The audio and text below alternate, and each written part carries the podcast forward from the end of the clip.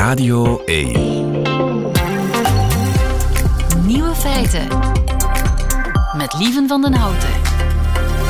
Dag en welkom bij de podcast van Nieuwe Feiten van dinsdag 12 september 2023. In het nieuws vandaag het kampioenschap luiheid in een hotel in Montenegro. De deelnemers blijven onterlangst in bed liggen. Wedstrijd ontstond als reactie op het cliché van de luie Montenegrijn. Toegewijd zijn ze in ieder geval, want in 2021 werd het record op 117 uur gezet. Maar dat record ligt al aan, aan diggelen. De zeven overgebleven deelnemers die uh, nu nog in de wedstrijd zitten, die liggen al 25 dagen plat. Probeer het maar eens. Zo'n 600 uur. Rechtstaan en zitten zijn ten strengste verboden. En de enige beweging die toegelaten is, is 10 minuten plaspauze. Iedere 8 uur. De winnaar krijgt na de wedstrijd 1000 euro. Maar ik vermoed dat het vooral om de eer te doen is. De andere nieuwe feiten vandaag. De terugkeer van pen en papier in de klas in Zweden. In plaats van laptop en tablet. Een nieuwe manier om snel rijk te worden is boeken verkopen die ChatGPT voor je geschreven heeft. Biograaf Walter Isaacson legt de demonen van Elon Musk bloot in een nieuwe biografie en het is tijd om hazelnoten te rapen. Maar er zijn kapers op de kust, ondervindt Juri Kortens. De nieuwe feiten van Bas Birker hoort u in zijn middagjournaal. Veel plezier. Nieuwe feiten.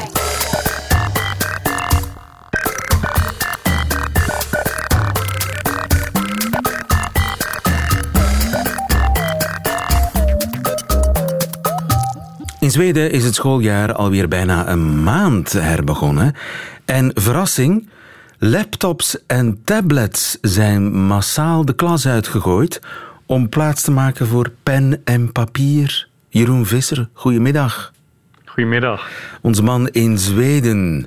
In Zweden is het nieuwe schooljaar uh, sinds 18 augustus uh, begonnen.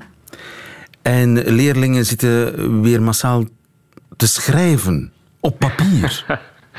nou, het valt mee hoor. Uh, mijn kinderen die mijn oudste zit op de lagere school hier en die, uh, die gebruikt nog wel een iPad hoor. Dus het is niet, het, ze zijn niet allemaal um, het raam uitgegooid.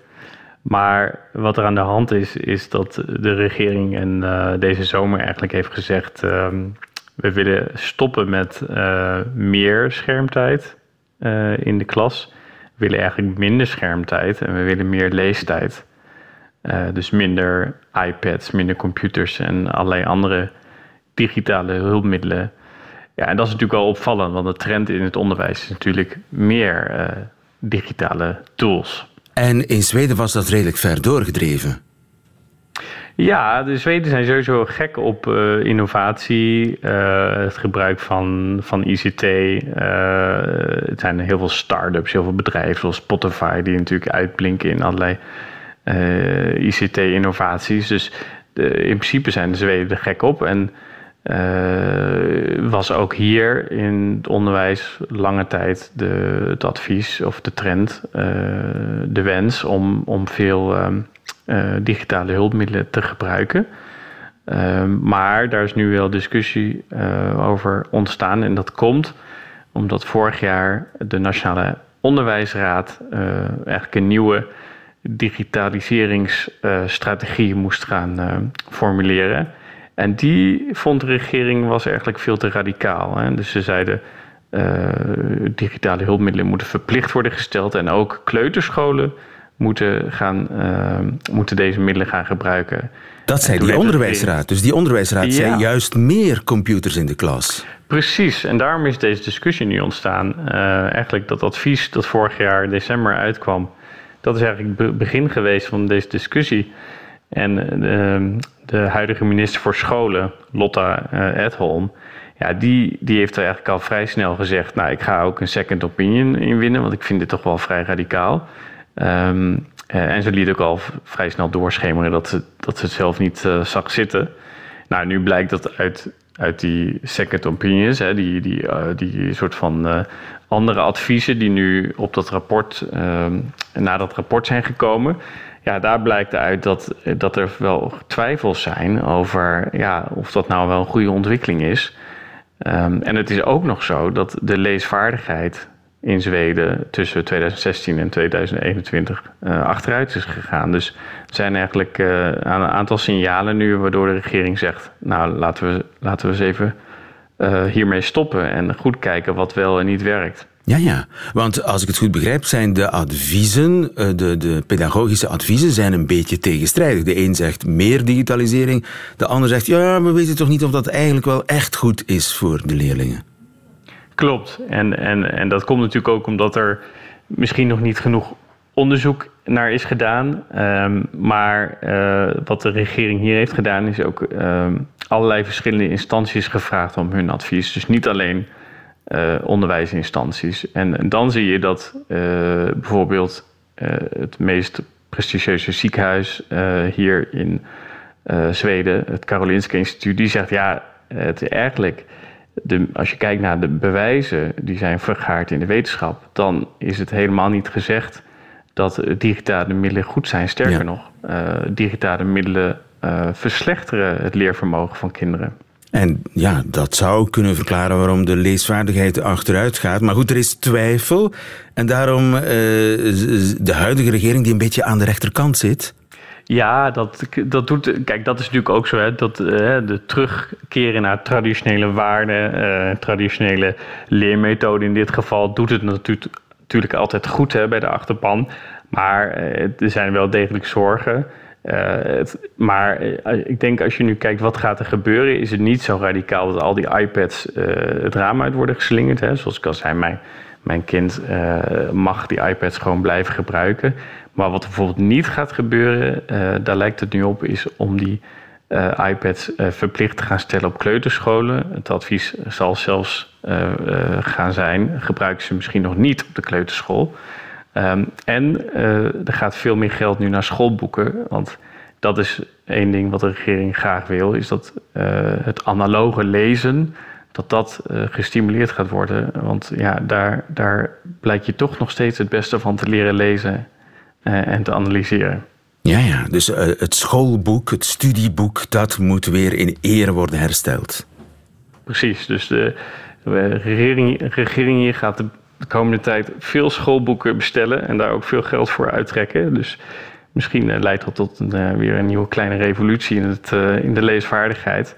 Maar het gaat dus niet zo zijn dat al die iPads uit nee. het raam worden gegooid. Het zal gaan om, om een balans en die balans is nu scheef, zeggen ze. Ja. Een bocht die toch gemaakt wordt in uh, Zweden. Benieuwd of die bocht vruchten afwerpt. Ik denk dat dat met argusogen wordt gevolgd ook uh, vanuit het Vlaamse onderwijs. Dankjewel, Jeroen Visser. Goedemiddag. Graag gedaan. Snel rijk worden, dat kan. Althans, dat beweren vele TikTokkers. Het enige wat je moet doen is een boek laten schrijven door ChatGPT en het vervolgens verkopen op Amazon. You're wasting time and money if you're not using ChatGPT for your self-publishing business. As we all know, ChatGPT has literally burst into the scene in the last couple of months or so, and it is incredibly powerful at what it does. Ja, een tipgever via TikTok. En op die manier zouden dus de boekwinkels op het internet volstaan met boeken die door artificiële intelligentie zijn geschreven en niet door een mens. Klopt dat of klopt dat niet?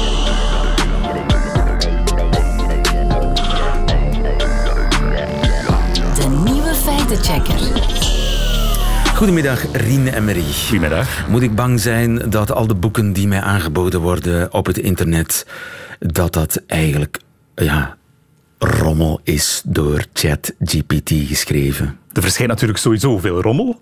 Maar uh, bang zijn hoeft uh, misschien nog niet. Al zijn er wel mensen die voorspellen dat niet alleen uh, alles wat op Amazon of bol.com te koop aangeboden wordt, maar binnenkort ook 90% van het internet zal volgespamd worden met teksten die gemaakt zijn door artificiële intelligentie en niet meer door mensen.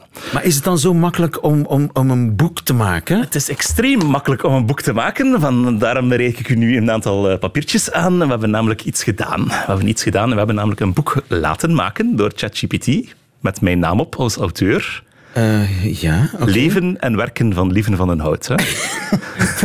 Door Rien en Marie. Ja, klopt. En ehm, dat hebben we gedaan via, en dat is ook het mechanisme waarop het dit gaat, via Kindle Direct Publishing. Dit is echt gedaan. Dit, is, dit heb je Dit echt gedaan. dit is echt gedaan. Dus we hebben een boek over jou laten schrijven. We hebben ook een aantal passages in het fluo gezet eh, die volgens ons het, het meest correct zijn. Het begin van een passie. Dat is een hoofdstuk. Dat is een hoofdstuk, Heel eh, goed. onder andere. En dat heeft Ch- ChatGPT gewoon bedacht. Ja, dus een tiental pagina's, maar het is een kort boekje. Voor Ja, maar je hebt niet eens die hoofdstuk bedacht. Nee, nee, nee, nee, nee, nee, helemaal niet. ChatGPT kan ook biografieën schrijven, dat is geen Het, begin van een passie. Lieve van den Hout werd geboren op 15 juni 1965 in Gent. Klopt niet. Nee, natuurlijk niet, want ChatGPT weet niet wanneer je geboren bent, maar, maar verzint het wel. Maar hoe het dus werkt is als volgt. Ehm, zijn als- ouders die ook gepassioneerd waren door audio. Moedigde zijn interesse aan? Nee. en introduceerde, introduceerde hem in de wereld van radio- en geluidstechnologie. Ja. Het, bedoel, dit is gewoon zo aperte nonsens. Ja, ja, maar het kan dus gemakkelijk. Hè. Wat, wat er gebeurt is als volgt. Je, als je een boek wil publiceren, je hebt geen uitgever meer nodig. Je hebt Lokale geen... radiozender in Gent. Ja, ja, het is, Never. Het is grotendeels onzin. Hè.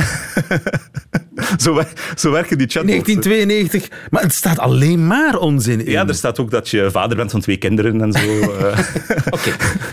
enfin, dat is niet... Maar Dat is goed, niet eh, de, de, cover, de cover ziet er wel indrukwekkend uit, moet ik Die zeggen. is natuurlijk ook gemaakt met, met artificiële intelligentie. Die hebben we niet laten ontwerpen. Je hebt geen ghostwriter nodig, je hebt geen eh, layouter nodig, je hebt geen ontwerper nodig. Niemand moet je cover maken. AI doet alles. En je maakt een boek en je uploadt het via Kindle Direct Publishing, bijvoorbeeld via Amazon. Ehm, zij kunnen het drukken voor jou. eens... Ah ja, drukken. Ja. Kunnen het drukken voor jou. Je hoeft geen exemplaren te laten drukken en dan eh, stapels in je badkamer op te stapelen. Tot En is het dan een soort on-demand eh, printing? dus Ja, als iemand een exemplaar bestelt als e-book, krijgt hij de pdf. Als iemand het bestelt als print, dan wordt het gedrukt, één exemplaar. En dan wordt het naar hem verstuurd, of haar. Ja. Ehm, zo werkt het. En ehm, dat is wat heel veel mensen nu doen. Ze schrijven elke dag een boek, of tien boeken. ChatGPT schrijft het boek. En ze uploaden het via Amazon. En alle winst van de verkoopcijfers gaat naar hen. Maar je, je gaat dit, mijn boek toch... Of, eh, Dit halen we wel offline. Dit halen we wel offline. hè. Dit halen het staat nu online, nee toch? Het is, het is, een- het is onder, onder voorbehoud geplaatst. We zouden dat niet echt Ik stuur laten- een rechter op je af.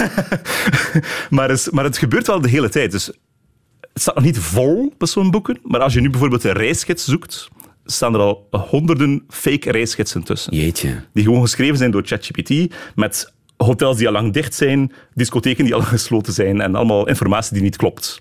En dus Ehm, mensen worden aan de lopende band bedrogen. Ja, je moet echt op zoek gaan naar nog iets dat door een mens geschreven is. En men, men, ja, er, is, er zijn echt een beetje te weinig guardrails ingebouwd. In de zin dat Wel, wat bedoel je? Guardrails? guardrails, zo, ehm, ja, gewoon ehm, veiligheidsmechanismes eh, om niet in de goot van, eh, van de bowlingbaan terecht te komen, wat hier het, het geval is. Bijvoorbeeld, ik heb dat ook niet geüpload.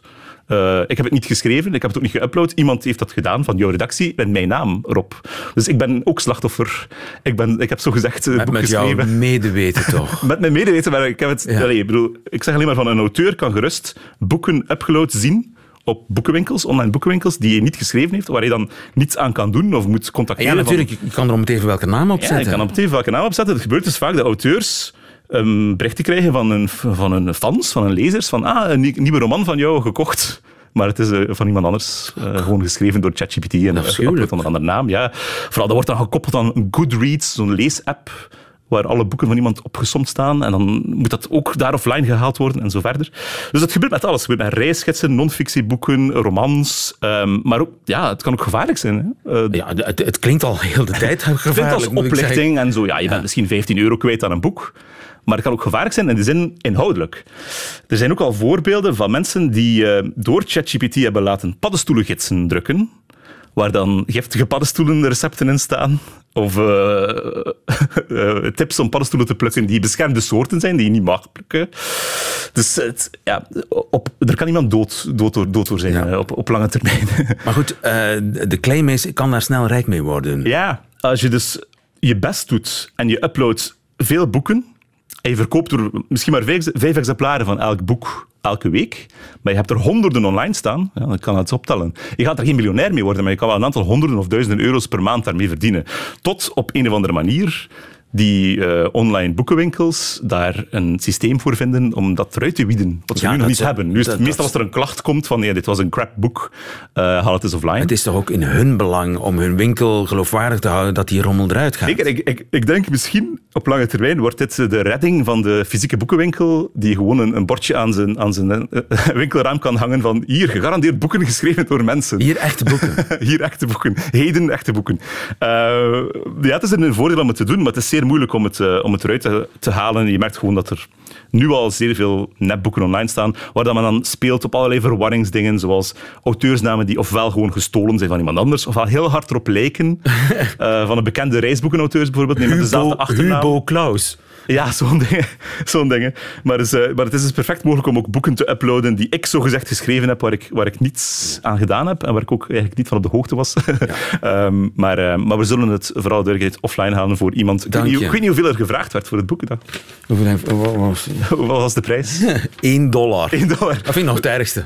Ja, 1 dollar voor een boek van, van eh, maar 10 pagina's. Maar niet te min, we zullen het offline halen. Maar het, het gebeurt dus, en er zijn dus allerlei tipgevers op TikTok en YouTube die allerlei Ja. Video's maken om mensen te overtuigen om hiermee te gaan geld verdienen. Ja. En dat vervuilt al je verzoekresultaten op zo'n op zo'n De belangrijkste tip is, ga naar een echte boekhandel. Ja, en inderdaad. Dat Dank je wel. misschien wel zeggen. Ja. Rien Emery. Nieuwe feiten.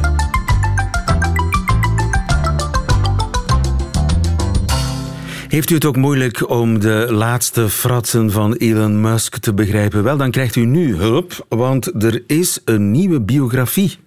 En een van de weinige mensen die die biografie al gelezen heeft, is Dominique Dekmijn. Goedemiddag, Dominique. Goedemiddag. Ja, het was in een hele dikke boek. Dus, eh, Wanneer ben, eraan, wanneer ben je eraan begonnen om het te lezen? Gistermiddag. toch. Gisterenmiddag. Hadden ze bij mij een beetje e- eerder gestuurd dat ik, dat ik toch al... eh, voilà. Maar ik ben er doorgeraakt. Je bent techjournalist van eh, De Standaard. En jij hebt dus die nieuwe biografie van Elon Musk al gelezen. Ze heet gewoon Elon Musk. En ze is geschreven door Isaacson, biograaf. Isaacson, wie is hij? Ja, Walter Isaacson is, eh, een, geschiedenisprofessor, maar is vooral eh, ja, toch wel een beetje de, de, de superbiograaf van de, van de teksten. En dan, want hij heeft eh, Steve Jobs gedaan, beroemde biografie van Steve Jobs. Maar bijvoorbeeld ook Albert Einstein en Leonardo da Vinci recenter. Dus, en er zijn er zo nog wel een paar. Dus zeer gerespecteerd biograaf. En ja... Elon Musk dacht duidelijk, ja, zo'n eh, eh, Walter Isaacson-biografie, dat moet ik ook hebben. Net zoals eh, Steve Jobs er een had. En dat heeft hij nu gekregen. En heeft die Walter Isaacson Elon Musk jarenlang gevolgd? Eh, ja, dat is, eh, dat is eigenlijk vrij uitzonderlijk. Dus eh, Walter Isaacson heeft op zijn eigen verzoek... eh, Walter Isaacson heeft aan Musk gezegd... ik wil het maar doen op één voorwaarde. Ik wil er echt bij zijn. En hij heeft Elon Musk twee jaar lang van heel nabij gevolgd. Wat echt, echt uitzonderlijk is. In die mate dat hij dus al die nachtelijke vergaderingen... bij de overname van Twitter... daar zat hij dan gewoon bij. En we horen zelfs... dat hadden we dan elders gehoord... al van een van de ontslagen directeurs van Twitter... dat ze zeiden van ja, af en toe vroeg Elon Musk dan eens raad aan zijn biograaf die erbij was. En dat was natuurlijk die, die Isaacson. Dus die man was er echt helemaal middenin. Ja, maar hij heeft de laatste jaren wel ja, rare bochten gemaakt. eh, uit het niets Twitter gekocht. En het dan van naam veranderen. Het moest X worden. Hij, hij doet een beetje gekke dingen, hè? Ja, en dus ehm, Walter Isaacson heeft het een beetje op zich genomen om ons dat uit te leggen. Wat is daar eigenlijk aan het gebeuren? En inderdaad, als je het allemaal van binnenuit hoort, ehm, beginnen een heleboel dingen wat beter te kloppen. Veel van die grillige tweets die hij dan doet, hè, dan, begint, dan tweet hij opeens iets verschrikkelijk beledigend eh, over Bill Gates. Je, waar, waar is die man nu toch mee bezig? En dan blijkt dat die elkaar, eh, Bill Gates en, en Musk elkaar net ontmoet hebben, dat het een beetje ruzie was. Eh, en dat had vooral te maken met aandelen van Tesla die hij aan het shorten was. Hè. Bill Gates was aan het speculeren dat de aandelen van Tesla in waarde gaan verminderen. Dus vindt dat aandelen Tesla overgewaardeerd zijn. En dat vindt dan Elon Musk eh, ja, een aanslag op de wereld eigenlijk. Want eh, ja, dat komt heel veel naar voren uit het boek. Eh, Elon Musk ziet zich als een man met een missie. En dus wie, ja, wie, hem, wie hem krenkt of wie aan een van zijn bedrijven komt, brengt eigenlijk het voortbestaan van de mensheid en de planeet en de democratie in gevaar. Dat denkt die man, die man echt.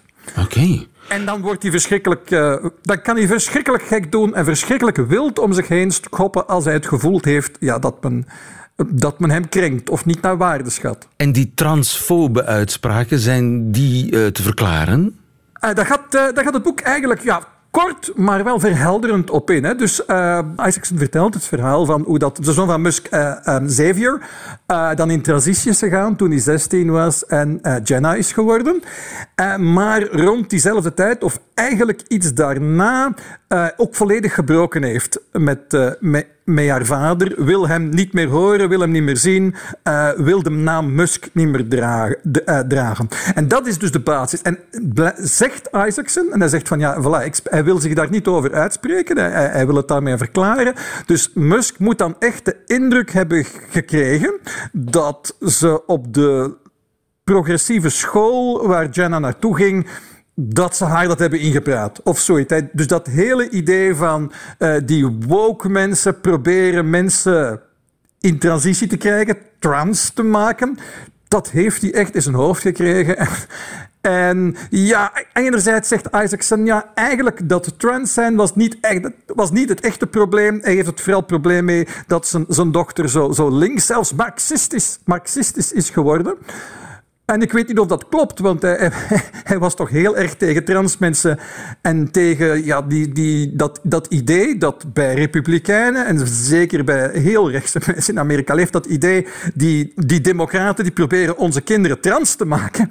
Uh, ja, die, die, die zit daar echt mee. En ja. ja. dat zou dan de verklaring zijn. En ja, Isaacson vindt dan, ja, het heeft dan toch allemaal te maken, vooral met die ruzie met zijn dochter en dat hij het daar zo moeilijk mee heeft en dat hij zo van zijn kinderen houdt. Ja. Ja, En vandaar dus zijn bocht naar. Want ja, hij heeft destijds Barack Obama gesponsord, hij heeft eh, Biden gesponsord. En tegenwoordig situeert hij zich meer in de hoek van ja, populistisch rechts, mag ik dat zeggen? Ja, absoluut. Hè. Dus, dus, uh, en dat moet zo de afgelopen drie jaar zijn gebeurd. En ja, Isaacson verklaart dat enerzijds vanuit heel die, die uh, uh, de coronaperiode, dat moet hem heel gefrustreerd hebben, dat de overheid hem, hem, vertelde wanneer hij zijn fabrieken moet, moet sluiten. Daar kon hij niet tegen. Um, en dan gaat het ook om een paar echt belachelijke dingen. Zo, dan heeft Biden ooit eens een keer een evenement gehouden om de elektrische auto te vieren. En dan heeft hij iedereen uitgenodigd, behalve Elon Musk. En dat was onvergeeflijk. Hè? Dat, dat heeft Elon Musk nooit vergeven aan Biden. Ja, de wispelturige man uh, die zich opwerpt als keizer van het universum. Een beetje gevaarlijk. Hebben we enig idee waar zijn drive vandaan komt? Dus ja, uh, Isaacson is erover van overtuigd dat de basis toch ligt in die, in die hele rare relatie die hij uh, had met zijn vader. Waar we in, in het boek uh, veel meer over, over leren. Het was een heel problematische relatie, een hele vreemde man, die Errol Musk. En nog, nog gekker dan zijn zoon. En hij schrijft ook geregeld dat de vrees die zijn moeder heeft, is, is altijd dat, dat, dat Musk gaat eindigen zoals zijn vader, die helemaal in de racisme- en complottheorieën wegzinkt. Errol Musk zo heet hij die vader. Ja. Inderdaad, dus die, die leeft nog en laat nog een beetje te veel zelfs van zich horen. Een, een hele vreemde, onaangename man. En die moet dus echt zijn, zijn zoon uh, ongelooflijk vernederd hebben toen die, to, toen die jong was. Hè. Dat waren ellenlange scheldpartijen waarin hij voor loser en, en, waardeloos werd uitgescholden. En exact op diezelfde manier scheldt hij nu zelf ook uh, wel eens mensen uit, vaak in exact dezelfde woorden blijkt. En ja, dus die, die, die, dingen, die vernederingen die van zijn vader, maar ook dan dat toen hij gepest werd op school, de vernederingen die hij als, als jongen heeft meegemaakt, zegt de Isaacson, hebben hem eigenlijk ongevoelig gemaakt voor, voor bepaalde dingen. Hij schijnt zichzelf uit te schakelen dan. En hij kan, kan al zijn emoties uitschakelen en al zijn angst uitschakelen. En daar ligt volgens... Uh, volgens Isaacson het, het geheim eigenlijk. Hij schakelt al die angsten uit en daarom durft hij dingen die andere mensen niet doen.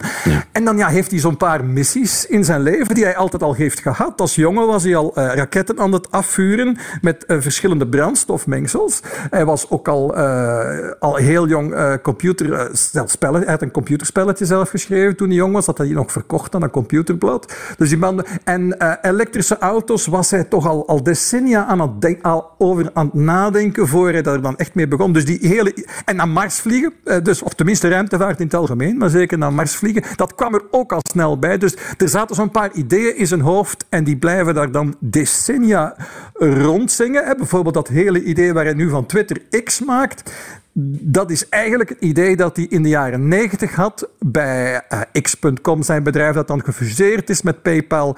En waar dat de directie dan beslist had van ja, dat PayPal-idee vinden we toch eigenlijk beter. Gewoon betalen via e-mail. Maar Musk, zijn idee was veel ambitieuzer.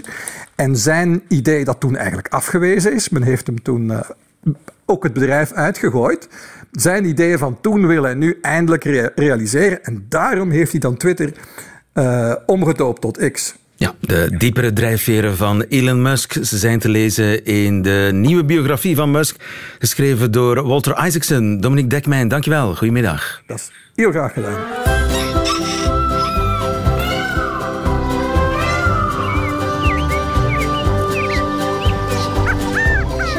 Juri Buiten. Met Juri Kortens. Ja, Buiten, waar anders? Jury Kortes leeft zowat buiten en uh, op elke uh, dinsdagmiddag komt hij daarover vertellen bij ons. Uh, Jury, jij bent lesgever bij Natuurpunt. wat ben je aan het doen? Ja, ja, ik was hazelnoten aan het zoeken in mijn tuin en ook een klein beetje aan het eten, want ik vind dat geweldig lekker. En nu is het gewoon het moment om ze te zoeken. Dus, uh... Heb je al je buikje rondgegeten? ja, ja, niet helemaal, helaas. Die hazelnootjes, dat is dit jaar echt wel een goed jaar. Er liggen er overal. Heeft te maken met, uh, met een zachte winter vorig jaar en ook een ja, redelijk vochtig voorjaar, dus dat ze niet allemaal opdrogen. En uh, ja, dat wil ook zeggen dat er veel zijn en ook veel andere dieren die nootjes eten en die interesseren mij minstens even hard als de nootjes zelf. Uh, ja, en zie je dat aan de nootjes dat ze zijn gegeten door andere dieren?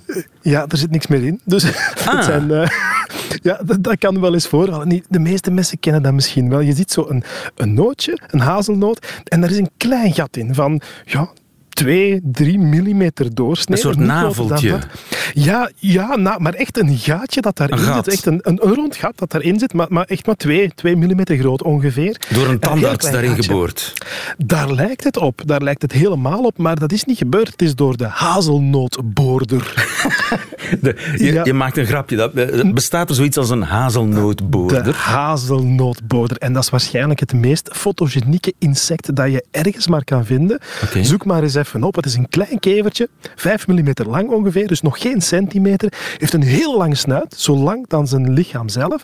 En die, uh, die, die, die, die kruipt vooral rond in mei, juni, juli ook nog wel een stukje. En de vrouwtjes leggen dan hun eitjes in de hazelnoten die nog groen zijn en die zich nog moeten ontwikkelen. Dan zijn die nog lekker zacht, die, die schaal daar rond. En dan gaat eigenlijk die larve dat eruit komt, die gaat, ja, laat ons zeggen, meegroeien met de hazelnoot zelf, maar eet die dan gewoon op aan de binnenkant. Wauw. En dus die lange snuit, daarmee boort ze uh, haar gat in die hazelnoot, waarna ze via diezelfde snuit een eitje in die hazelnoot legt. Ja, ze legt het eitje niet via de snuit, ah. uh, want het is echt een, een mondsnuit. Ze gaat die achteraf gewoon via een legboor daarin leggen, maar ze moet inderdaad echt wel eerst een klein gaatje knagen. Maar dat is wel in een fase dat die noot nog heel groen en heel zacht is en eigenlijk nog maar amper noot is. Uh, maar ook die larve, en dat is ook wel heel belangrijk, die gaat dan op het einde van augustus, begin uh, september, vooraleer die nootjes echt rijp worden, vooraleer ze bruin en hard worden, gaat hij zich naar buiten knagen. Want anders kan hij daar niet meer uit. En dus die, gaat niet door hetzelfde gaatje terug naar buiten? Die nee, knaagt nee, een eigen gaatje, Ja, ja, die knaagt een eigen gaatje. Dat is ook niet, niet te zien. Dat is piepklein, dat gaatje langs waar het ei gelegd is. Dus die knaagt dan een eigen gaatje naar buiten en gaat zich dan gewoon ergens in de grond graven om dan de hele winter daar uh, door te brengen en pas volgend jaar te gaan verpoppen naar een, uh, een volwassen hazelnootboorder. En dan gaat hij weer op zoek naar een hazelnoot. En dan gaat hij weer op zoek. En, en ja, als je die echt wil zien, of, of je wil er eens een foto van nemen, want die zijn echt super fotogeniek voor macrofotografie bijvoorbeeld, dan moet je zo mei, juni, juli uh, eens met, uh, met een stok tegen een hazelaar kloppen tegen de takken en een omgekeerde paraplu daaronder houden. En dan vallen er allemaal beestjes in en de kans bestaat dan ook dat die hazelnootboorder uh, daar ook in zit. Maar nu zijn het alleen de gaatjes die we vinden. Uh, en, en ja, het super toffe daaraan is, ik, ik had net zo een, een, een uh, nootje opgenomen. En dat was niet alleen een gaatje, daar zat een hele nest van mieren in die hazelnoot. Verrassing. Super klein, ja, maar echt super kleine mini-slankmiertjes worden die genoemd. En die kunnen dus met heel hun hebben en houden, een hele kolonie, 100, 200 mier wel, kunnen die in een hazelnoot leven. Dus nadat die kevertjes geweest zijn, zijn er eigenlijk allemaal andere dieren die zeggen: hé, hey, dat is een fijne plek om, uh, om de winter door te brengen. Recyclage in de natuur. Ja, het zijn krakers, letterlijk krakers. Krakers, inderdaad. krakers van hazelnoten. En dan uh, kruipen die daarin en gebruiken dat. Dat kunnen, dat kunnen kleine slakjes zijn, dat kunnen zelfs larven van glimwormen zijn bijvoorbeeld, die, daar, uh, die daarin kruipen. Ja, maar dus dat is wel weer een hazelnoot minder voor jouw uh, gebruik. Dat is, dat is er eentje minder voor mij. En er liggen nog wel wat andere resten van, uh, van andere dieren die gegeten hebben. Bijvoorbeeld de eekhoorn, die komt ook regelmatig op bezoek. En, en dat is de echte notenkraker. Dus je hebt de boorder. De eekhoorn is de kraker. Uh, die gaat zijn tanden, uh, of die gaat eigenlijk die hazelnoot op zijn langs, dus de, de lange dingen, tussen zijn tanden zetten. En die gaat heel hard duwen, totdat die mooi in twee doorsplijt. En er zijn geen enkele dieren die dat kunnen. Jij kan dat ook niet, hè? Eekhoorns. Ik kan dat ook niet. Dus als ik mijn notenkraker gebruik, ik ga die eigenlijk omgekeerd zetten op de, op de smalle kant. De eekhoorn doet dat eigenlijk op die lange kant en gaat die dus overlangs mooi in twee doorsplijten. En dat is, dat is heel herkenbaar. En, en zo kan je zien of er eekhoorns aan je hazelnoten komen snoepen, terwijl jij bijvoorbeeld aan het werk bent uh, en dat niet kan zien overdag. Ja, dus ook de eekhoorns stelen jouw hazelnoten. Zijn er nog dieren die uh, verzot ja. zijn op... Uh... Ja, ja, er is ook een, een grote bonte specht. Die is daar ook helemaal verzot op. En die heeft zelfs zijn eigen smidse gecreëerd. Dat is een plekje waar dat hij die hazelnoten kan bewerken. Zoals een smid een aanbeeld heeft om op te werken, heeft de specht een klein spleetje uitgehakt in een boom. En tussen ruwe schors gebruikt hij ook wel. En die stopt daar een hazelnootje tussen. En dan begint hij te kloppen daarop. Dus, je dus die boort eigenlijk eerst zijn eigen smidse, zijn eigen... Ja, ja. Zo, waarin ja. hij die noten kan klemmen. Die klemt hij daar tussen en dan gaat hij aan de zijkant, en dat is, dat is wel heel slim van die slecht specht, want dan, dat is een, een, een zwakke plek. In de zijkant gaat hij proberen op te kloppen, totdat hij dan ja, erdoor gaat. En dan barst hij ook open, maar meestal niet in twee mooie helften, maar ja, zeer onregelmatig barst dat open. En aan de zijkant zie je dan ook meestal ergens een gaatje waar dat die spechtensnavel er is doorgegaan. En ik heb zo ergens een spechtensmitse vlak achter mijn keukenraam. Dat heel een oude perelaar die er staat. Heel ruwe schors. En je hoort die dan. En dan begint hij tak, tak, tak, tak, tak, tak. En die moet een paar keer kloppen voordat hij erdoor. En plots hoor je dan tok. En dan hoor je, ah, die is erdoor. En dan hoor ik iets anders. Namelijk, kou, kou, kou. Dan zit er kauwen op het dak en die komen dan nootjes stelen van de grote bonte specht. Oh. Dus ja, het zijn valschaards die... Uh, die, die laten de specht het werk doen. ja, dat zijn de slimmeriken van het dingen. De anderen het werk laten doen en dan zelf met, uh, met de oogst gaan lopen. Dus, ja, en als ik zo'n zo spechtensmitsen wil vinden, lijkt me niet gemakkelijk, want dat is zo'n zo een, een, een piepklein gaatje in een boom. Jeetje, begin maar aan. Ja, dat is niet, dat is niet makkelijk als je, als je dat in, in de ogenschouw neemt. Maar je vindt daar eigenlijk al de resten. Die vind je onderaan die boom. Dus wanneer je ergens eh, onderaan een boom in je tuin of eender waar overal van die verhakte eh, ziet liggen, dan weet je van, ah oké, dit is de spechtensmitsen. En het leuke is dan dat als je naar boven kijkt, dat je heel vaak nog wel die plek vindt die hij effectief gebruikt. Want die laat die noot daarin zitten tot de volgende keer wanneer dat die komt. Dus dan komt die aangevlogen de volgende keer, landt op dezelfde plek, steekt de noot die hij bij heeft eventjes tussen zijn buik en de boomschors, haalt dan de oude noot eruit, gooit die achterwaarts weg en stopt dan de nieuwe ertussen. Dus dat is eigenlijk constant een, een vast ritueel dat die specht heeft. Uh, die ruimt de tafel niet af wanneer dat hij gegeten heeft, maar wanneer dat hij terug gaat eten. Ah ja. Oké, okay.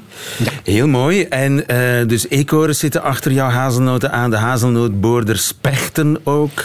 Ja, ja. Schiet er ja. nog iets over? Ja, er schiet niet zo heel veel over. En binnenkort zal ik ook nog wel zien waar de rest is gebleven. Want dat is een fenomeen dat mensen ook heel vaak tegenkomen. Ze gaan bijvoorbeeld de kachel aansteken en dan onder een, uh, een stapeltje brandhout dat ze ergens in de tuin hebben liggen, vinden ze dan een handvol of twee handvolle nootjes die allemaal heel fijn zijn aangeknabbeld. En dat is dan meestal het werk van bosmuizen, want die gaan die dan ook nog eens verzamelen. En die gaan niet boren of uh, kraken of kloppen. Die gaan met hun kleine tandjes daar, uh, daarin knagen. En dat zie je ook aan de buitenkant. Je ziet allemaal kleine krassen op van de tanden waarmee dat ze die, okay. open, die open hebben gemaakt. Dus, dus als je tandjes ziet, zijn, dan, dan ja. zijn het bosmuizen. Bosmuizen of andere muizen. Er zijn nog verschillende soorten, er zijn verschillende methodieken. Maar ik weet niet hoeveel tijd dat je hebt, want anders dan, uh, dan ben ik tot vanavond bezig met, uh, met muizensporen uit te leggen. Nee, ik ga hoe dan ook uh, zelf ook eens op zoek, want er is, het, is, het is de periode van het jaar. Het is ja. geen gold rush, maar het is een hazelnoot rush die, be die bezig is. Ook in de tuin, ook in jouw tuin, hè? Ja, inderdaad, inderdaad, Maar er zijn veel hazelnoten, maar we moeten ons haasten, want er zijn veel kapers op de kust. Jury Kortens, tot volgende week. Tot volgende week. Nieuwe feiten. Radio 1. Ziezo, dat waren ze weer, de nieuwe feiten van vandaag 12 september. Alleen ook die van Bas Birker, die krijgt u nu in zijn middagjournaal. Nieuwe feiten. Middagjournaal.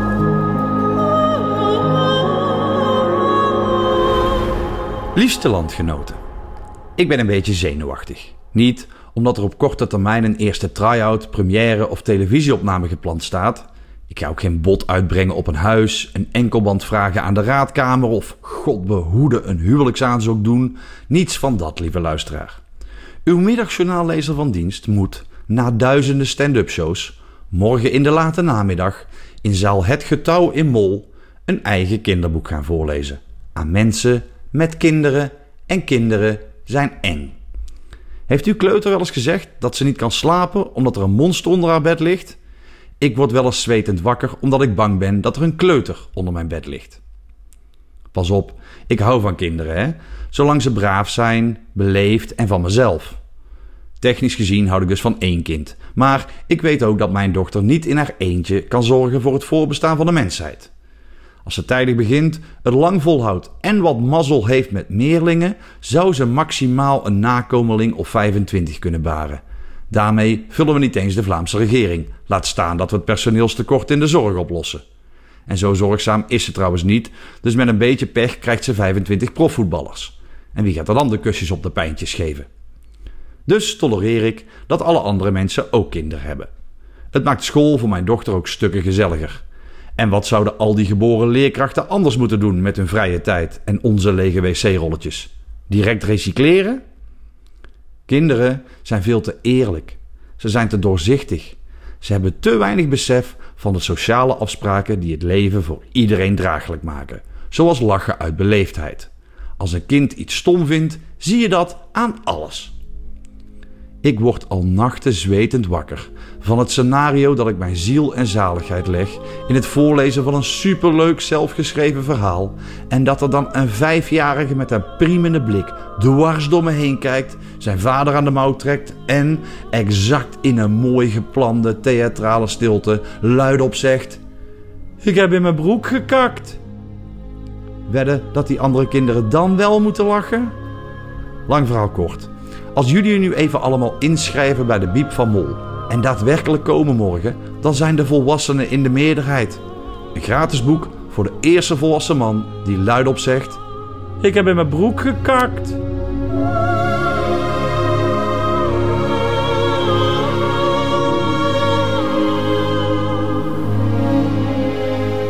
Be careful what you wish for, Bas Birker. Dat was meteen het einde van deze podcast van Nieuwe Feiten. Wilt u liever de volledige Nieuwe Feiten met de muziek erbij horen? Dat kan natuurlijk ook live via Radio 1 elke werkdag tussen 12 en 1 of on demand via de Radio 1 website of app. Tot een volgende keer.